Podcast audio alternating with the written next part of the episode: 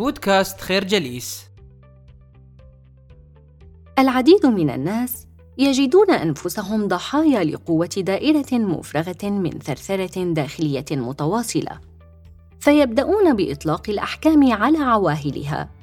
مثل أن تقول لك نفسك في صمت رهيب وبهمسات خافته أنت فاشل أنت غبي أنت كسول وغيرها من العبارات الدالة على التحبيط والإفشال.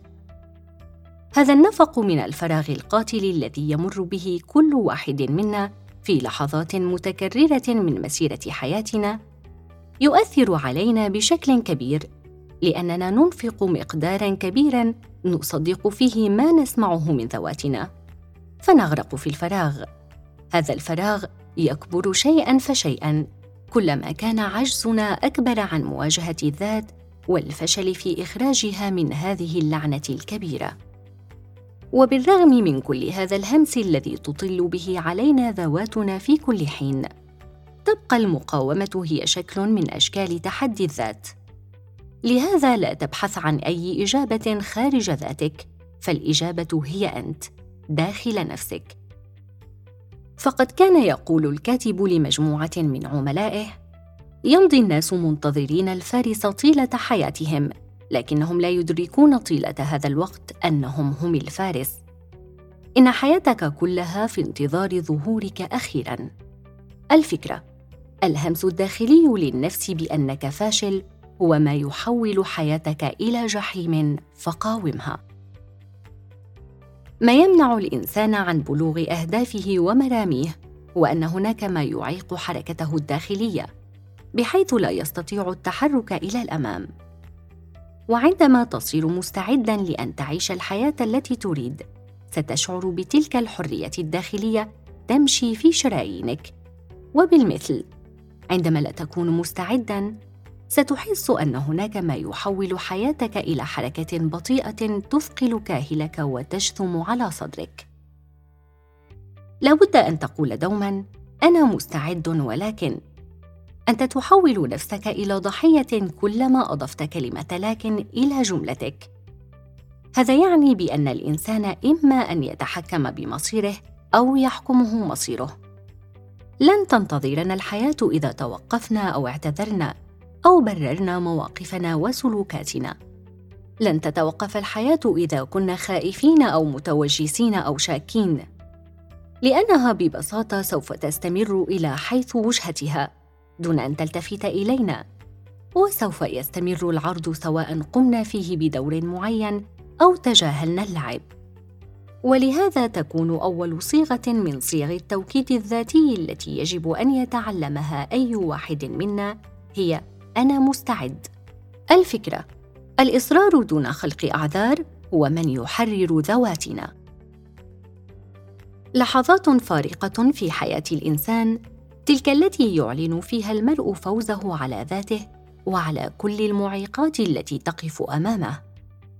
ولكي تكون فائزا في جميع ما يعترضك من عراقيل في الواقع الفعلي لابد من تحول جذري ينقلك من حالة السكون إلى حالة الحركة الدائمة. ابحث وفتش عن خطوط تصلك بكل ما يمت للنجاح بصلة وحفز ذاتك أكثر فأكثر لبلوغ هذا المبتغى. تذكري الأيام التي أخلفت فيها المواعيد والأيام التي لم تذهب فيها لممارسة الرياضة. وتذكر أيضا أنه لابد أن تنزع عنك غطاء الفشل وترتدي ثوب النجاح من جديد. بتعبير آخر لابد أن تعترف أنك مصمم بالأساس لبلوغ الفوز الحتمي وأنت قادر فعلا على إنجاز الأمور التي تقرر إنجازها. لقد قال سينيك قوة العقل هي القوة التي لا تقهر. الفكرة التصميم على الفوز هو طريق النجاح. ما يجب أن يعرفه الإنسان في هذه الحياة هو أن التذمر والشكوى ليست حلا في جميع الأحوال. من المؤكد أن حياتك ليست مثل طفل يموت جوعا في شوارع بلد فقير أو يعيش مأساة الحرب في دولة من دول العالم. كذلك هناك احتمال كبير أن حياتك ليست بالصعوبة التي عاشها الإنسان القديم أو عاشها الإنسان قبل ظهور طرق المواصلات والاتصالات المتطورة. هذا يؤكد لنا بأن الرضا النفسي والقناعة الذاتية كنز لا يفنى. وما على الإنسان إلا أن يقوم بعملية مقارنة بسيطة ليكتشف العجب. نحن لا نرى إلا أجزاء صغيرة من حياة الناس، بينما نتذكر دوما مشكلاتنا التي لا يتذكرها الآخرون. علينا الكف عن التذمر والشكوى وملاحقة التبريرات. كن فقط متصلا بحياتك الواقعية بدلا من حديثك السردي عن حياتك. ذلك الحديث المشبع بعواطفك وانفعالاتك. هذا وحده ما سيعينك على وضع الأمور في نصابها ويساعدك على مواجهة الحياة ومشكلاتها انطلاقا من موقع القوة وفي إضعاف السلبية التي حطمت حياتك. الفكرة الابتعاد عن التذمر والتأفف مسلك آخر للحياة. نشكركم على حسن استماعكم. تابعونا على مواقع التواصل الاجتماعي لخير جليس. كما يسرنا الاستماع لآرائكم واقتراحاتكم. ونسعد باشتراككم في البودكاست.